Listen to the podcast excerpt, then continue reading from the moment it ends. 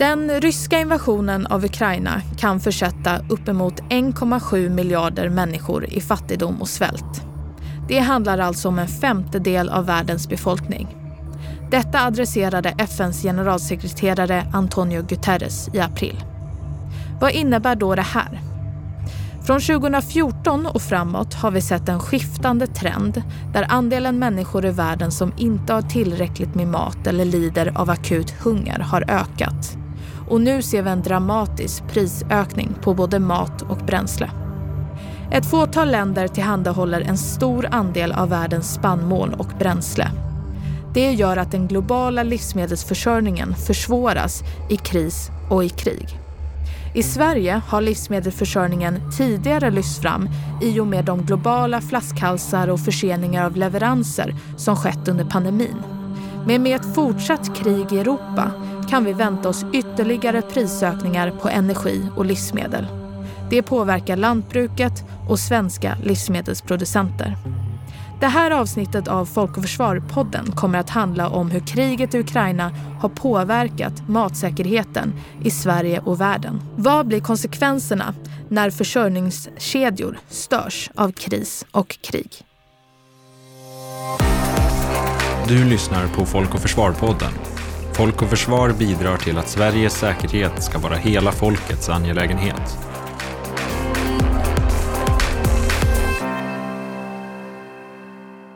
Mitt namn är Hanna Wallan Fager och jag arbetar med programområdet Säkerhet och hälsa på Folk och Försvar. I det här poddavsnittet kommer vi att tala om tryggad livsmedelsförsörjning i kris och krig. Och för att göra detta så har vi bjudit in flera kunniga gäster. Först så har vi med oss Mats Johansson avdelningschef för krisberedskap och totalförsvar på Livsmedelsverket. Och Mats är med oss på länk för att reda ut begreppet livsmedelsförsörjning. Och när vi pratar livsmedelsförsörjning så tänker jag ju att det omfattar hela livsmedelskedjan. Och försörjningsbegreppet är ju intressant där och jag tänker mig att vi har inte uppnått försörjning egentligen förrän vi har mat och dricksvatten i magen. Så om inte maten når konsumenter, eh, då har vi inte lyckats. Ehm, och för att lyckas med det här så behöver vi ett antal saker. Vi behöver ju till exempel ett livskraftigt lantbruk, men vi behöver också en livskraftig inhemsk livsmedelsindustri. Och samtidigt så behöver vi jobba för att upprätthålla handel med EU och omvärlden. Och här finns det ju en mängd kritiska varor för att försörjningen ska kunna upprätthållas. Vi kan ju också se beroenden till andra samhällstjänster som exempelvis energi och transporter och finansiella tjänster och allt det här behöver ju fungera för att vi ska kunna nå en försörjningsförmåga. Livsmedel och dricksvattenförsörjning det är ju någonting som jag tycker borde ha en, en, en självklar plats i varje lands säkerhetsstrategi. Och försörjning av mat och vatten är ju tillsammans med luft, värme och skydd de mest grundläggande mänskliga behoven. Och kopplat då till eh, frågan om samhällets motståndskraft och det här så har vi de här behoven eh, tillgodosedda så kommer ju motståndskraften mot både kriser och krig att öka väsentligt.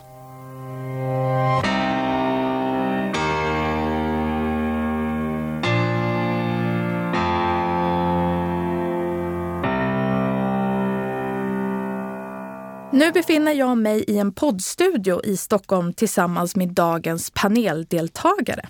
Vilka är ni? Ja, jag heter Patrik Strömer, jobbar på bransch och arbetsgivarorganisationen Livsmedelsföretagen och där har jag titeln näringspolitisk expert, ansvar för totalförsvar, försörjningsförmåga och krisberedskap och så sitter jag också i styrelsen för Folk och Försvar. Välkommen hit. Tack. Jag heter Elisabeth Simmelsson och jag är ämnesföreträdare på Sida i lantbruk och livsmedelsförsörjning sedan fem veckor tillbaka. Varmt välkommen hit Tack. också Elisabeth. Vi har fått höra en introduktion till begreppet livsmedelsförsörjning av Mats Johansson från Livsmedelsverket. Men jag skulle inledningsvis kort även vilja höra från er hur ni arbetar för tryggad livsmedelsförsörjning på Sida respektive företagen. Och utifrån ett globalt perspektiv vill jag fråga dig Elisabeth, hur arbetar Sida med lantbruk och livsmedelsförsörjningsfrågor inom ramen för svenskt bistånd och internationellt utvecklingssamarbete? Då arbetar Sida på globalt, regionalt och bilateralt i olika projekt. Och ungefär 5% av Sidas budget går direkt till landsbygdsutveckling och jordbruksutvecklingsprojekt. Och det kan vara antingen direkta insatser i länder där man behöver jobba med jordbruksutveckling eller så kan det också gå till forskning. Så det, det spänner över de områdena. Och det är ju inte då bara jordbruksspecifikt som man jobbar med utan det har också spiller över på miljö och klimatanpassning, jämställdhetsfrågor. Många av de här livsmedelsfrågorna handlar också om demokrati och mänskliga rättigheter på, på väldigt nära nivå kan man säga. Och om jag vänder mig till dig Patrik och livsmedelsföretagen, hur jobbar ni som branschorganisation för att lyfta fram frågan om just trygg livsmedelsförsörjning i Sverige? Ja, vi jobbar ju, eller våra medlemmar jobbar ju varje dag med att se till att det finns mat som eh, svenska folket kan äta och även människor i andra länder dit vi exporterar. Nu är det väl så att eh, den här frågan har lyft in sig själv Eh, i, i, diskussionen och verkligen placerat eh, livsmedel och mat i, i centrum av ja, vad det innebär egentligen när, när det har, blir kriser i samhället. Vi har ju haft en pandemi i två års tid eh, och lagom till att vi kom ut ur den så hade vi noterat att det är väldigt höga kostnader i, i stora delar av livsmedelskedjan. Och så kommer kriget, eh, Rysslands aggression mot Ukraina ovanpå detta. Så att från en kris till en annan. I det här avsnittet så kommer vi prata om just var vi står nu. Och eh, du nämnde det Patrik, eh, pandemin, kriget i Ukraina. Men innan vi går in på det så har vi ju sett att andelen av människor i världen som inte har tillräckligt med mat eller lider av akut hunger, det har ökat sedan 2014. Och då tänkte jag fråga dig Elisabeth, vad är orsaken till denna ökning? Mm. Det är väldigt många orsaker vi hade en positiv trend fram till 2014 där fler människor blev hade säkrare tillgång till mat och framförallt en ekonomisk försörjning så att man kunde köpa mat själv också. Och sen 2014 så, kom, så började det komma en massa ekonomiska konflikter, framförallt, eller inflation, framförallt i, syd, i Latinamerika. Och det ledde till att mat blev dyrare. Under hela den här perioden då så har det ju samtidigt varit underliggande eh, förändringar också som har skett. Och fram till 2014, så har vi, eller från 2014 och framåt, så har vi också sett fler klimatförändringsrelaterade naturkatastrofer som har eh, gjort att det har varit svårare att återhämta sig. Vi har haft i Sahel, där vi ser nu återigen torka som är beroende av El Niño och La Niña perioder som är, som är regelbundna men som kommer allt tätare och man hinner inte återanpassa sig.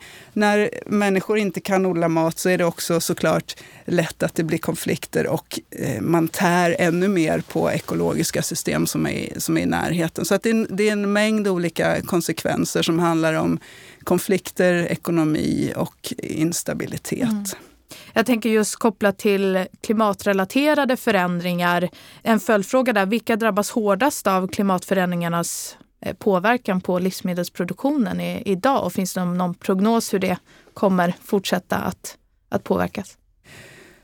Alltså det finns ju så många mått på hur, vem som är mest sårbar och jag skulle säga att det är väldigt svårt att svara på det för det är ingen tävling. Det kommer att drabba alla på olika sätt.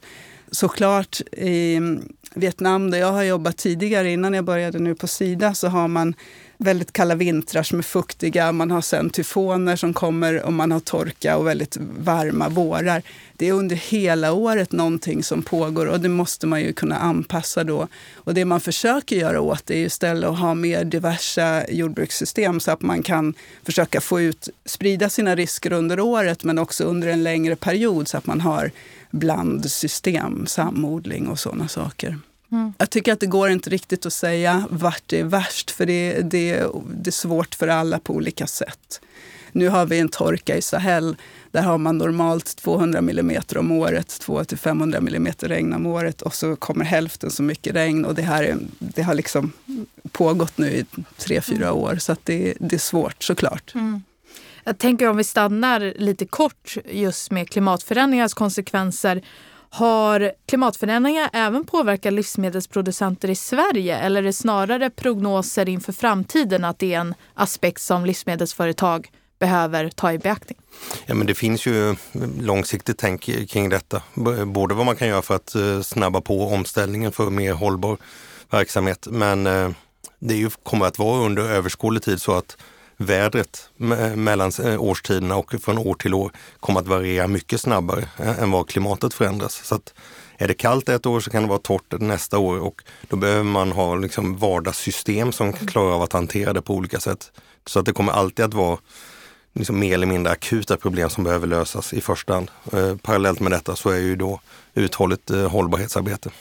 Mm. Jag om jag får koppla ja, in, jag tänker på det här med skogsbränderna i Sverige. Det, det är ju väldigt, eh, visar väldigt hur sårbara vi är och, och hur lång tid det tar att återhämta sig igen efter, efter sån påverkan.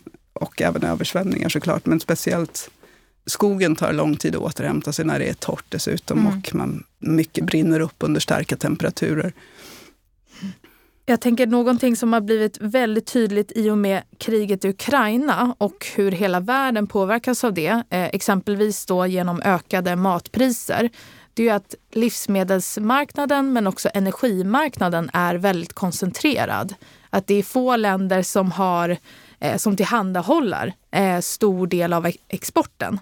86 procent av all vete i världen, där är det sju länder som tillhandahåller den mängden och det är endast fyra länder som tillhandahåller 85 procent av världens majs.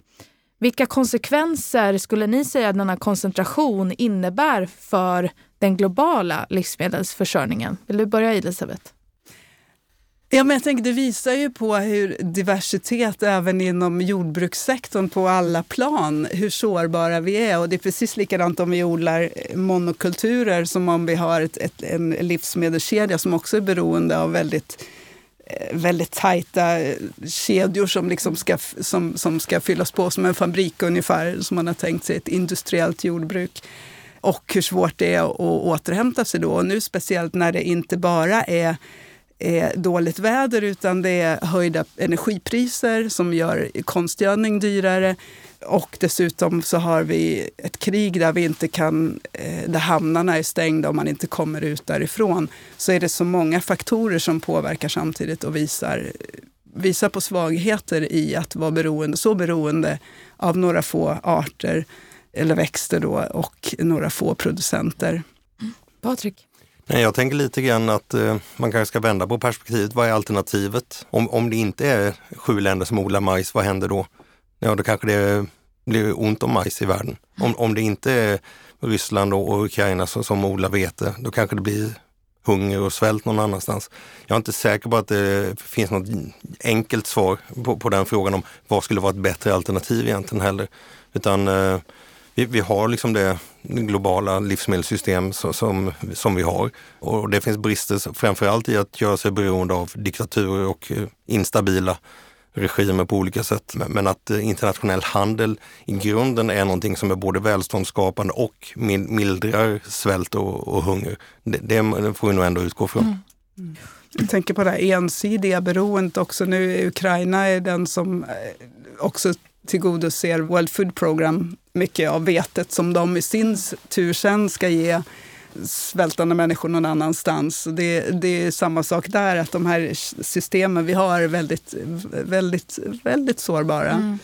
Jag vet man har lyft fram bland annat Egypten som exempel som till 80 procent är beroende av spannmål från Ukraina och hur mm. det påverkar mm. också att eh, vissa länder, Sverige kanske inte är lika beroende av Ukraina och Ryssland, absolut till viss del, men att det är vissa länder som kommer att ha ännu svårare om vi ser eh, att kriget fortsätter under en längre period. Men jag tänkte också just utöver att ett fåtal länder exporterar en stor andel av viktiga insatsvaror. Hur påverkar olika andra typer av bristsituationer, det kan vara katastrofer eller prisökningar i världen, ett lands livsmedelsförsörjning. Och här tänkte jag det vore intressant att höra jämförelser mellan olika länder. Nu nämnde Elisabeth att du har jobbat många år i eh, Vietnam. Hur skulle du säga exempelvis då att livsmedelsförsörjningen i Vietnam påverkar av, av olika faktorer eller mm. kriser. Mm. Det som jag tänker är många som i de länder som har gått ifrån att vara låginkomstländer till medelinkomstländer, de glömmer vi lätt bort när när vi slutar ge bistånd för vi tycker att då klarar de sig bra själva. Men det som händer är att många av dem ligger verkligen på gränsen till att bli fattiga igen. Och då pratar jag inte om länderna som, som medel utan, utan individer som har gått från att vara låginkomsttagare till medelinkomsttagare. Och nu när då eh, man spenderar mer än hälften av sin inkomst på att köpa mat och maten blir dyrare så spenderar man ännu högre andel av sin inkomst på att köpa mat och det, det, är en stor riskfaktor. Dessutom nu då när energipriserna går upp så är det ännu större risk att man, att man inte har några pengar kvar att leva på. Och det är sånt som slår på hur man, vad man äter, kvaliteten på den maten och hur man fördelar den inom familjen till exempel. Då, att eh, det kanske är så att ofta drabbar det kvinnor och barn i högre utsträckning än män eller de som jobbar i informell sektor till exempel då som inte har Eh, tillgång till mat på samma sätt. Och då stöder till exempel Sida och andra biståndsorganisationer FNs livsmedelsprogram också mat till barn, till skolbarn. Och då kan man ha olika sätt att göra det på så att de åtminstone kan få mat under den dagen. Och man kan göra det på olika sätt. Man kan få pengar, eller inte pengar, utan man kan få mat för att gå till skolan. Man kan odla, eh, ha eh, trädgårdar på skol, i skolan som, mat, som kan då ge mat till barn och sådär. Men under covid så har, vi ju, då har, det, har skolorna varit stängda och de har inte kunnat få mat. Men det som jag tänker också, bara för att spela an till det vi har precis pratat om, covid visar ju också på hur eh, lokalt det går att ställa om i vissa fall snabbt, där man har lätt tillgång och inte så långt till jordbruk eller där man har haft familjer kvar på landet som inte är helt avbefolkade. Att det går liksom att ställa om de jordbruken relativt snabbt, speciellt i tropiska länder då, där man har kortare cykler av, av odling och ändra sin försörjning eller försäljning av mat. Mm. Och det tycker jag visar på en styrka som där man inte är liksom helt fast i de här nätverken ännu, eh, kan snabbt ändra. Mm. Det tänker jag är någonting som vi kan lära också av där det har gått bra. Mm. Och om vi riktar blicken mot Sverige då, där du nämnde ju disponibel inkomst, hur mycket mm. pengar per månad man behöver lägga på mat. Det påverkas ju också, eller det påverkas, påverkar oss här i Sverige eh, när priserna går upp. Vill du också kommentera på den frågan, just hur olika faktorer påverkar den svenska livsmedelsförsörjningen, Patrik? Ja, men det är ju både en energi och liksom livsmedelskris vi ser globalt och det spiller över i Sverige. Vi har haft höga energipriser under vintern. Eh, vi har dessutom olika elområdessystem vilket gör att elen är betydligt dyrare i de delarna av Sverige där den större delen av maten produceras.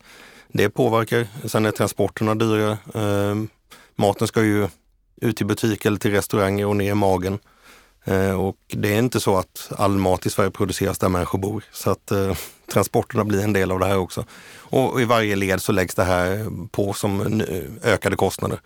Och eh, även om den långsiktiga trenden har varit att eh, disponibel inkomst, eh, att vi lägger mindre och mindre eh, på att äta oss mätta, så är det ju väldigt låg nivå. Historiskt är det ju helt unikt att, att vi ligger under 15 procent tror jag det är, på mat. Mm. Och sen har vi 85 procent över till annat då, vad det nu kan vara. Bostäder, bilar, Thailandsresor, platt-tv, Netflix-abonnemang, vad man nu, vad, kläder, vad folk nu köper för sina pengar. Mm. Så att eh, det är nog inte långsiktigt eh, ohållbart på något sätt att eh, hushållen skulle betala en större del av sin disponibla inkomst för maten egentligen. Men det är ett väldigt obehagligt sätt som, som vi löser det här långsiktiga problemet på just nu. Med en ganska snabb kris med väldigt snabba kostnadsförändringar. Där ja, världsmarknaden på vete har liksom mer än fördubblats. Mm. Stämmer det att man har, att, att i Sverige betalar vi ganska liten del. Alltså i, I många länder så äter man större andel råvara, men i Sverige äter vi väldigt mycket processad mat. Är det därför också som inte priserna ökar i samma takt i Sverige? Vet du om det stämmer? Ja, det tar ju tid innan kostnaden slår igenom. Mm. Eh, sen är det ju så att liksom all alltså, mattillverkning, livsmedelstillverkning är ju både, vi, våra medlemmar tillhandahåller både produkter och tjänster mm. kan man ju säga. Mm. Eh, den största tjänsten är ju om du går och äter på restaurang, då behöver du inte ens diska efter dig. Utan det gör någon annan och så får du betala mer för varje måltid. Eh, och det är klart att man kan diskutera, ska man köpa ett salladshuvud eller ska man köpa en påse med, med färdigblandad sallad? Och då kanske den färdigblandade salladen, den är ju naturligtvis smidigare. Mm. Eh, men du kan också få olika typer av salladiner som gör att det blir en, en bättre gastronomisk upplevelse. Det blir godare.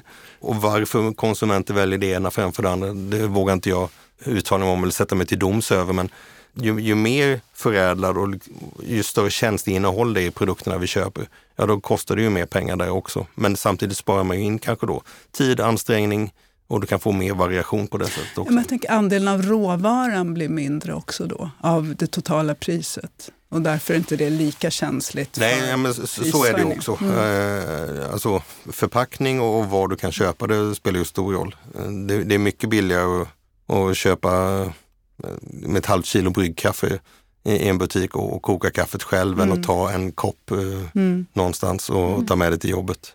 Så är det ju. Om vi stannar där kopplat till livsmedelspriser i Sverige. Om vi ja, men bortser nu från kriget i Ukraina eller snarare blickar hur såg situationen ut innan det i Sverige. I era analyser av den globala livsmedelskedjan, vilka faktorer har lett till ökade livsmedelspriser i, i Sverige skulle du säga Patrik? Ja, då är det främst energipriserna som har påverkat. Sen är det en del med, med ja, globala transporter. Det kan vara allting från reservdelar vi hade också under året en eh, strejk i ett finskt pappersbruk som, har påverkat eh, livsmedelsbranschen i hela Europa. Mm. Därför att de gör etiketter. Konsumenterna ska ju veta vad det är de köper för någonting. Och då mm. kan det tyckas, ja, det, hur kan en sån sak påverka så mycket? Ja, det kan det. Mm. Och det är först när det inträffar som man inser att det kan behövas andra lösningar också på det. Och även pandemin, Suezkanalen, hade det någon inverkan? Inte direkt mm. vad, vad jag kunnat se, men så, som sagt, eh, maskiner, reservdelar behövs ju. Det, det skapade också ett underskott i, i, investeringar så länge framtiden var oviss och osäker. Nu kan jag tänka mig att det blir investeringar liksom för att man behöver lösa de problem man står inför eh, i år och, och kommande år också. Men eh, som vi sa innan, det hänger ihop väldigt mycket. Det finns ömsesidiga beroenden och det är svårt att peka ut enskilda faktorer. Mm. Jag tänkte om vi talar lite om konsekvenserna av det pågående kriget i Ukraina och eh, konsekvenserna då för, för Sverige men också världen. FNs livsmedels och jordbruksorganisation de har ett matprisindex och det har ju nått all time high sen Rysslands invasion av Ukraina. Och där har man också prognos att om kriget fortsätter så väntas livsmedelspriserna stiga med 30 procent under 2022. Här kan vi tillägga att priset på vete och majs redan har ökat med 30 procent. Kan du berätta lite kort eh, Ja, men att man ska, man ska stoppa handelsflödena. Länder ska inte bunkra allt för mycket utan man ska låta marknaden försöka. På EU-nivå eh, var ju pandemin en viktig lärdom. Mm. Att EUs inre marknad faktiskt fungerade som en marknad så att när enskilda medlemsstater ville förbjuda företag att exportera så fick, då fick de inte det. Mm. Där kommissionen sa, ni är på en inre marknad, ni kan inte göra de här typen av begränsningar. Mm. Det skapade väldigt stor lättnad, liksom hela europeiska livsmedelsbranschen. Och även att man prioriterade eh, green lanes, alltså gränsövergångar som var livsmedelstransporter. Mm. Så, så, att den logistiken flöt på rätt bra. Mm. Jag tänker det, finns, det är så mycket i, i andra delar av världen som fortfarande har, alltså pandemin är ju inte över. 500 båtar utanför Shanghai. det, det är liksom andra frågor redan som de har att lösa där, tänker jag också. Det jag skulle hoppas är att det kanske leder till mer, när energipriserna är så höga, att det leder till mer cirkulära former av jordbruk. Att man liksom börjar tänka på det och det kanske man ser på olika håll redan, att man måste försöka lösa eh, jordbruk med mindre, eh, framförallt med mindre konstgödningsmedel och, och ja, cirkulärt jordbruk mm. helt enkelt. Mm. Jag tänker om vi fokuserar också på den svenska livsmedelsförsörjningen. Hur påverkar kriget i Ukraina svenska livsmedelsproducenter både på kort och lång sikt? Vad säger du Patrik? På, på, kort sikt är det ju framförallt lantbruket som påverkas och då är det just konstgödsel som är den stora delen. Tillgången minskar och eh, priserna blir väldigt höga. Så att nu för år 2022 så ser det väl hyfsat okej okay ut men eh, till sommaren så behöver det ju gödslas och sås igen. Och där vet vi inte hur det kommer att se ut. Det är det som det ser ut på mm. kort sikt. På lång sikt, ingen aning. Eh, det är mitt ärliga svar. På, på något sätt så kommer man ju att vilja lösa problem och i de flesta fall kunna lösa problemen också. Det kanske blir så att det blir mer baljväxter som odlas för att bli både mat för människor men också foder till djur.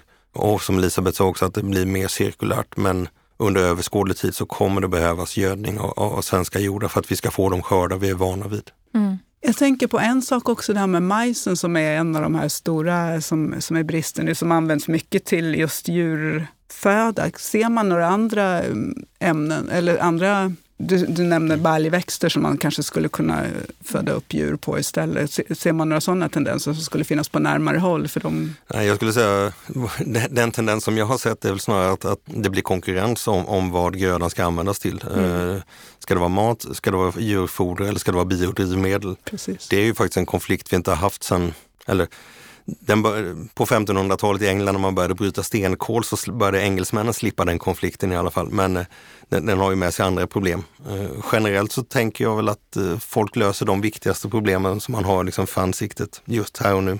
Eh, och sen får man ta de andra längre fram och eh, efterhand. Sen är det naturligtvis bra att tänka mer långsiktigt och inte bara agera kortsiktigt i panik. Men det är en fördel att det ändå är ett system med liksom privata lantbrukare, privata livsmedelsföretag. De är vinstdrivna, de reagerar på prisförändringar, de försöker lösa problem åt sina kunder. Det är det de tjänar pengar på. Eh, och kan du inte leverera någonting så kommer du inte få betalt. Eh, mm. Alltså måste man lösa problemen på något sätt. Vilket sätt kan man lösa problem på? Massor med olika skulle jag säga och vi vet inte det. Och, och därför är det bra att vi har en sån sökprocess som bygger på decentraliserade beslut och enskilda aktörer. Mm. När vi ser flera parallella kriser, när jag varit inne på det, pandemin är inte över. Vi ser ett krig i Europa och ett krig i Ukraina som påverkar just matsäkerheten i världen. Om vi pratar om just livsmedelsförsörjning, kanske utifrån ett globalt perspektiv, hos vem vilar ansvaret att livsmedelsförsörjningen tryggas? Vi har privata aktörer, marknadskrafter, statliga aktörer, internationella aktörer. Jättebred och svår fråga, men om det har några tankar och, så att lyssnaren kan förstå. Att vem, vem är ansvarig? Patrik? Ja, jag skulle säga antingen är det konsumenten, ja. eh, och det är det väl i de flesta fall. Eh, sen eh, ekonomipristagaren Amartya Sen har ju också visat att i demokratier förekommer inte svältkatastrofer. Så att eh, jag skulle säga hunger och svält är politiska verktyg för att eliminera opposition, förtrycka en del av befolkningen eller uppnå andra typer av politiska mål. Och eh, jag har väl läst en del analyser här också om, om Rysslands krig, att det handlar om att ta grepp om energi och livsmedelsproduktion för att på det sättet kunna få igenom andra politiska mål från Rysslands sida. Jag vågar inte säga om det stämmer eller inte, men det känns som en ganska trovärdig analys i alla fall. Och det är klart att tillgången på mat är livsviktig. Tillgången på energi är också livsviktigt. Vi vill inte frysa, vi vill inte svälta. Och i demokratiska länder så brukar man kunna ta hand om det på något sätt. Och sen är det skillnad på om någonting blir dyrt eller om någonting tar slut. Blir det dyrt så är det jobbigt, tar det slut så är det ju kris på riktigt. Elisabeth? Ja, jag håller med. Jag tycker också det är konsumenten, så speciellt där det finns köpkraftiga konsumenter. Men sen tänker jag också att vi har i rikare länder ett ansvar i form av att inte sänka eller hastigt ändra bistånd på det sätt som vi kanske har gjort nu. Då. Att eh, det inger inte förtroende och vad ska man ta ifrån när det hela tiden handlar om de svagaste och mest utsatta människorna i, i världen. Och att, värld, eh, World Food Program har också liksom opponerat sig mot det här att man ska ha konstanta bidrag och inte ha cykliska, cykliska perioder upp och ner och svänga det. Sen tänker jag också, jag har tidigare varit projektledare, jag har suttit på den mottagande sidan och där det har råkat ut för precis sådana här saker där, där man drar ner på projektpengar. Och det, och det slår väldigt hårt mot sådana processer som är långsamma, demokratiska processer eh, rättvisefrågor och sånt som man behöver ha människor på marken som sysslar med konstant. Och eh, det, det, är risk att det är sådana processer nu då som kanske blir, blir, blir lidande om man ska i olika länder börja skära ner på, på bistånd och så. Mm. Och då tänker du att statliga aktörer har ett särskilt ansvar just att inte göra de förändringarna? Tänker ja. statliga aktörer också ja. ger till de internationella ja. programmen? Ja. Ja. Och, ja, precis. Och att man gör det rakt över, alltså att det är, det är alla typer av, av hjälp. För att det, man, det handlar ju också då om, nu har vi ett, ett eh, krig väldigt nära oss i Ukraina och man har fått in väldigt mycket pengar. Vi har samtidigt på, till Ukraina då, men vi har samtidigt pågående konflikter och stora dramor i Sahel och Väst, Västa, Västafrika där det är stora problem sedan flera år och de ligger liksom under ytan, eh, riskerar att förvärras eh, och behöver också hjälp för att inte ännu mer konflikter ska uppstå där då.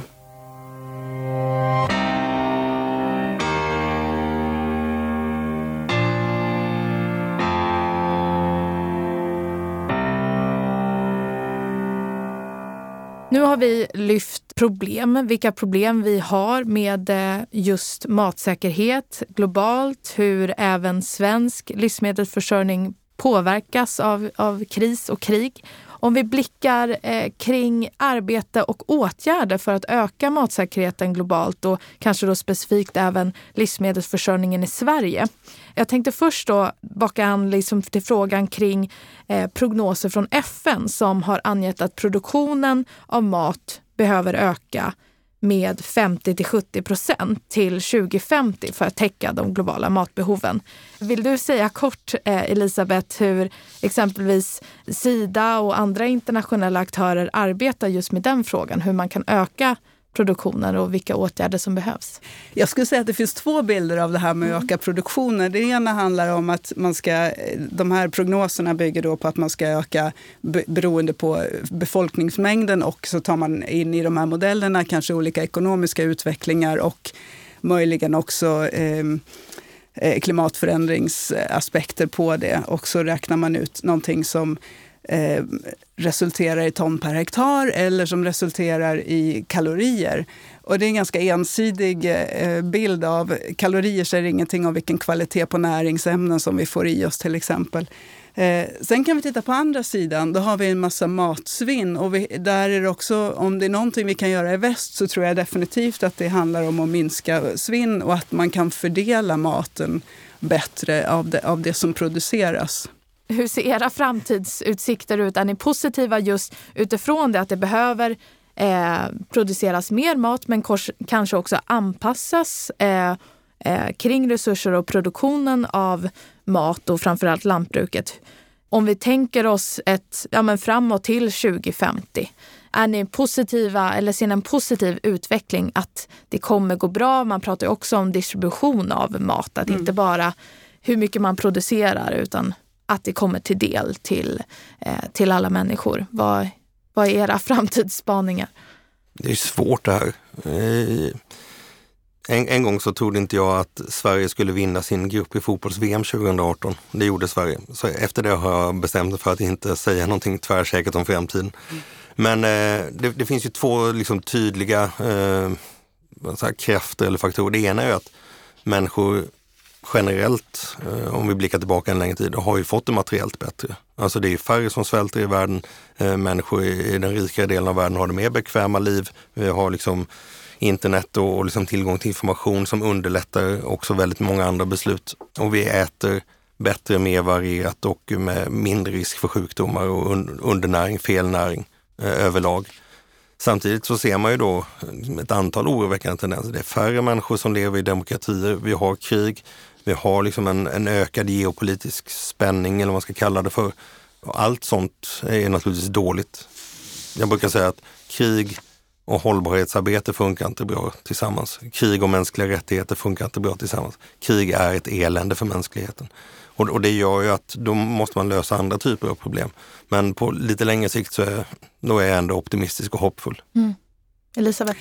Jag, jag, delar inte helt uppfattningen om att folk har fått det bättre därför att det är en tredjedel av världens befolkning som går och är oroliga för om de ska ha mat för dagen och om den är näringsrik. Så det kanske är en, I Europa kanske vi har fått det bättre men jag, jag tror inte alls på, på den globalt att det, att det är så. Men jag tänker på hur mycket vi åt. Hur såg en tallrik mat ut när vi var små? Och hur ser den ut idag? När jag var liten fick man läsk en gång i veckan på söndagen och det var ett glas. Liksom. Jag tänker det handlar någonting om också hur mycket vi konsumerar.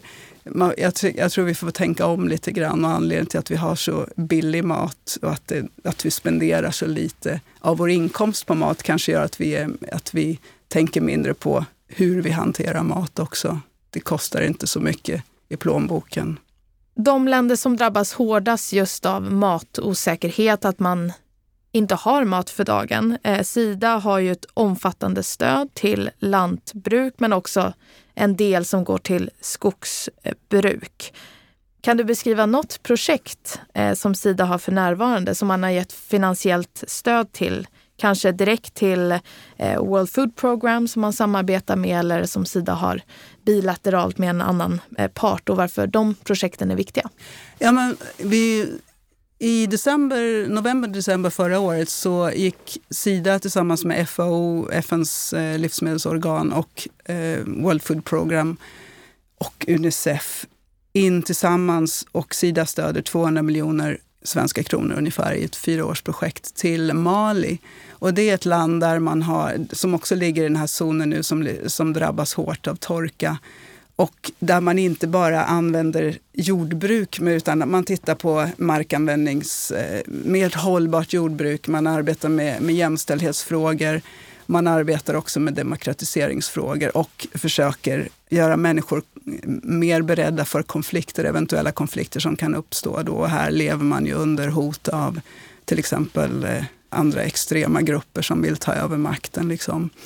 Så det är, det är ett projekt som Sida stöder. Sen så vet jag att det finns andra intressanta projekt runt om där man arbetar i flyktingläger och med, med jordbruk där och försöka få dem eh, inte fullständigt självförsörjande på jordbruk, men åtminstone att, att man kan försöka bli lite mer, producera någonting själva och inte tära på, på omkringliggande resurser. I Bangladesh så fanns det, när många rohingyer fick fly från Myanmar till exempel, så hände det att de var tvungna att gå in i skog, närliggande skog för att hugga ner träd och kunna elda med. Och där har då Sida till exempel gått in och stött, inte med livsmedel utan med eh, gasspisar istället för att, man inte ska, för att skogen ska kunna vila och växa tillbaka. Så det är några, några exempel på hur vi arbetar. Och väldigt brett. Det är inte bara jordbruk som sagt, utan man sätter det i en massa sammanhängande frågor.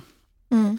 Jag vill också lägga till att Sida ger också stöd till fisk, fiskodling och, mm. och fiskeprojekt. Mm.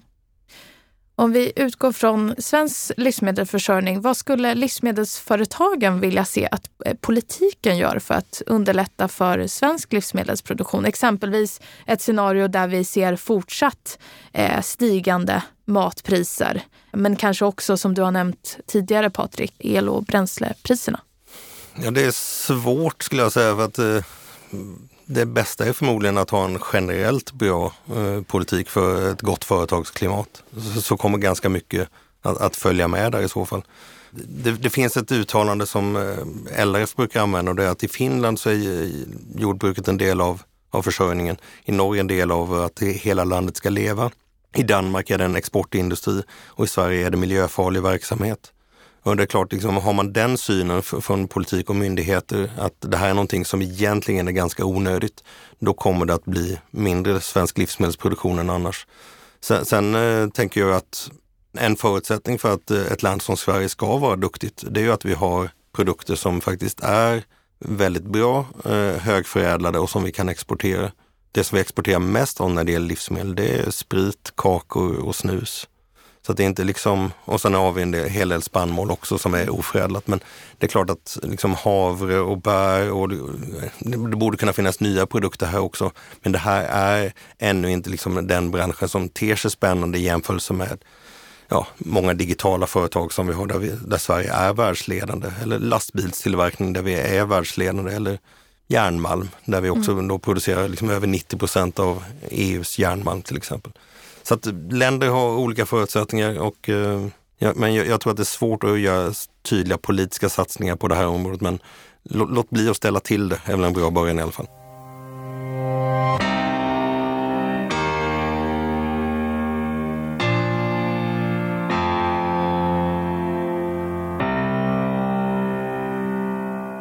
Jag tänker en avslutande fråga till er båda och där får du gärna Patrik ta ett svenskt perspektiv och kanske Elisabeth om du vill blicka ut eh, internationellt. Det är just att många länder är beroende av import av livsmedel och det innebär ju en sårbarhet, något som vi inte minst har sett nu i och med kriget i Ukraina. Hur kan man skapa ett mer robust system för livsmedelsförsörjningen? Vill du börja Patrik utifrån kanske Sverige och, och till viss del EU? Ja, det är svårt. Robust. Eh, jag gillar inte ordet eh, riktigt. Eh, resilient, eh, resilient. Tycker, tycker jag. Alltså, eh, det robusta går, när det är trasigt så är det trasigt på något sätt. Resilient är självläkande. Mm. Eh, men, men det är ju, jag tror det är viktigt att inse att man behöver både det liksom lokala benet och att vi är beroende av handel också. Eh, en, en del fall är det uppenbart. Eh, vill vi äta bananer och citroner så, eller dricka kaffe eller snusa så behöver vi importera eh, varor till Sverige. Och samtidigt under torkan 2018 var vi ju, klarade vi oss utan hungersnöd i Sverige tack vare bland annat import från Ukraina. Ehm, så att båda delarna behövs ju i det här och det är väl det som att man inte tror att det finns en enda lösning på, på ett definierat problem utan det bästa sättet är att låta flera människor agera på den här marknaden och mm. försöka lösa de problem som finns. Och det är det som faktiskt sker varje dag. Våra medlemmar gör det eh, genom att producera varor som människor kan handla i butiker och så går, äter de sig mätta varje dag. Mm. Eh, det är egentligen helt fantastiskt i ett historiskt perspektiv att vi kan ha det på det sättet. Kort uppföljning, tycker du att vi kanske mm, ser för stora farhågor med den nuvarande krisen och, och med livs, ökade livsmedelspriser och, och bränslepriser. Kommer det lösa sig eller hur, hur känner du och dina än. kollegor? Nej, vi vet ju inte det än. Eh, historiskt kan vi säga att ja, vi, pandemin klarade vi. Eh, det tog inte slut på mat. Det som tog slut var toalettpapper en liten stund våren 2020.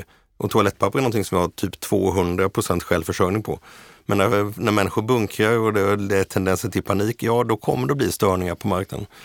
Och den här nuvarande krisen, ja vi har fortfarande inte sett slutet, vi lever mitt i den. Och det, hela livet är sånt att det kommer dyka upp nya problem och då får man försöka lösa dem efter bästa förmåga. Mm. Och bästa förmåga är väldigt ofta att människor själva får värdera vad som är viktigt. Mm. Ett litet hoppfullt svar ändå, tyckte jag det var. Jag hoppas ja. att det var det. Ja, det var Elisabeth? Jag får försöka vara hoppfull jag också. Jag tänker, det jordbruk och skogsbruk behöver ju stabilitet. Man kan inte hålla på och rycka av och på. Liksom. Det finns inte sådana knappar. Och detsamma gäller eh, alla de här processerna som skapar demokrati som vi har pratat om, som är så viktigt för fred och för, för livsmedelsförsörjning. Eh, och de processerna behöver fortsatt stöd i världen. Det är, det är ganska uppenbart. Så jag tänker att om vi ska nå Agenda 2030-målen som, som då världen står inför så får vi också blicka bortom 2030 som du, som du lyfte tidigare och se eh, det är inte bara att andas ut om vi lyckas nå målen i Sverige utan vi måste vara med globalt se till att unga barn får tillräckligt med mat från den dagen de föds, eller medan de fortfarande är foster, det vill säga deras mammor har tillräckligt med mat. 30 procent av, av kvinnorna eh, har, är anemiska i världen. Det är svårt för oss att tänka på. Så jag tycker det finns mycket att, att be om, men jag tror att eh, robusta system håller inte heller med om, men resilienta, att man, att man liksom lätt kan ändra, att vara mer flexibla i vad man odlar och hur man odlar, men eh, att det är diversifierat.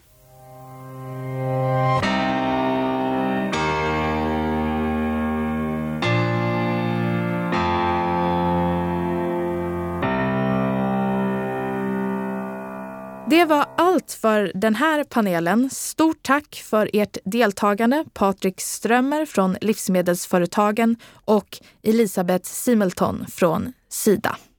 Under coronapandemin så upplevde en del livsmedelsföretag störningar i livsmedelskedjan och därför så har ni på Livsmedelsverket föreslagit ett antal åtgärder och arbetsformer för att stärka förutsättningarna inför framtida kriser. Kan du kort beskriva vad, vilka dessa är och varför myndigheten anser att de behövs? Ja, jag kan inleda svaret lite kort med att beskriva liksom vilka störningar såg vi under pandemin. Och det som antagligen märktes mest hos allmänheten var ju att vissa varor tog slut i butik under mars månad 2020.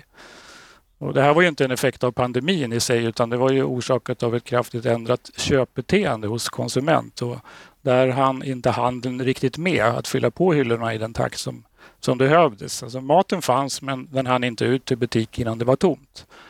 Eh, och jag tycker väl toalettpapper är en av de här varorna där, där hyllorna gapade tomt och det tycker jag är väldigt talande när vi är liksom exportörer utav detta. Och initialt så fanns det ju också länder som stängde sina gränser av, av smittskyddsskäl. Och inte bara för människor då, utan också för transport av varor. Men det här gick ju EU-kommissionen in och det öppnades ju snabbt upp så kallade gröna korridorer som tillät varutransporter. Då. Och här så såg vi ju annars kan man säga då störningar. Så de var ju, för livsmedelsindustrin var det ju kraftigt kopplade till ökad personalfrånvaro. Man visste inte vilka personer man hade och hur många man hade varje given dag. Så det var ju jobbigt. Jag tänker att en annan insikt från pandemin det är också förmågan att ställa om och det såg vi hos flera företag i livsmedelskedjan. Man ställde om produktionen eller man ändrade sin verksamhet och anpassade distributionsvägar och så.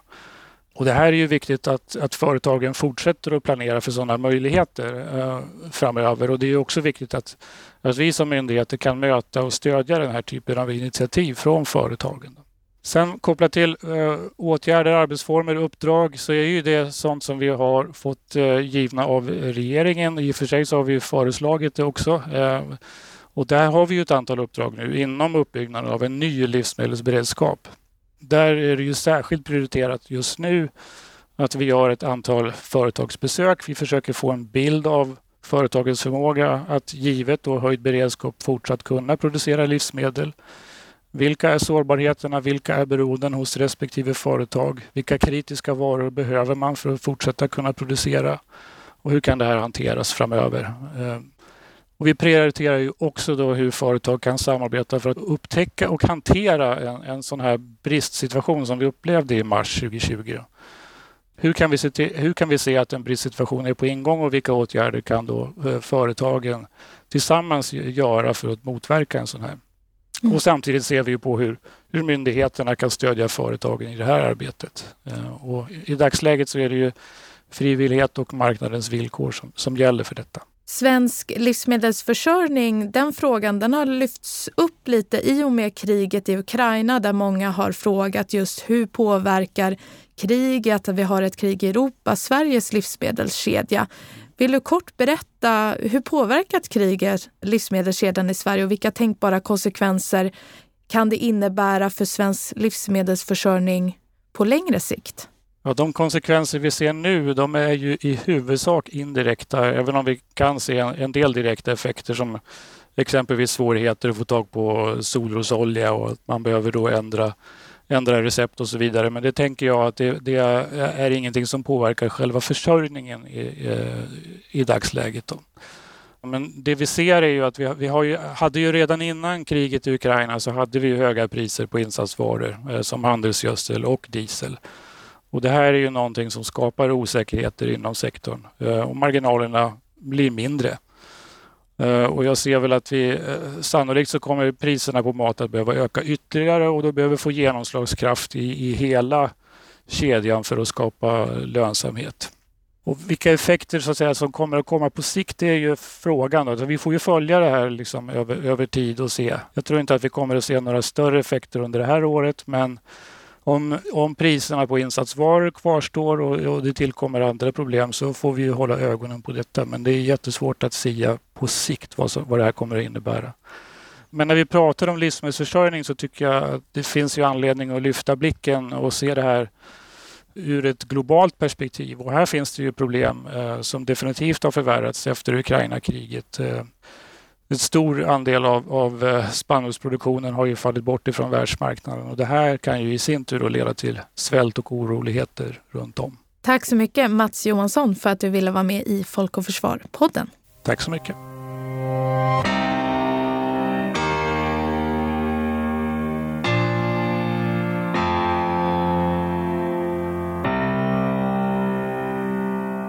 I det här avsnittet har vi fördjupat oss i hur kris och krig påverkar matsäkerhet och livsmedelsförsörjning i världen.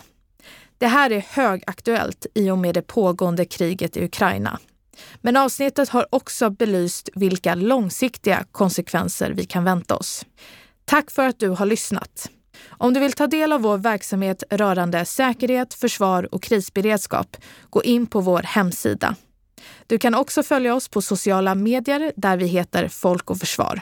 Och om du vill höra fler av våra poddavsnitt så hittar du dem där poddar finns. Du har lyssnat på Folk och Försvar-podden. Podden är skapad av Hanna Wärland Fager. För att ta del av mer av vår verksamhet, besök vår hemsida www.folkochforsvar.se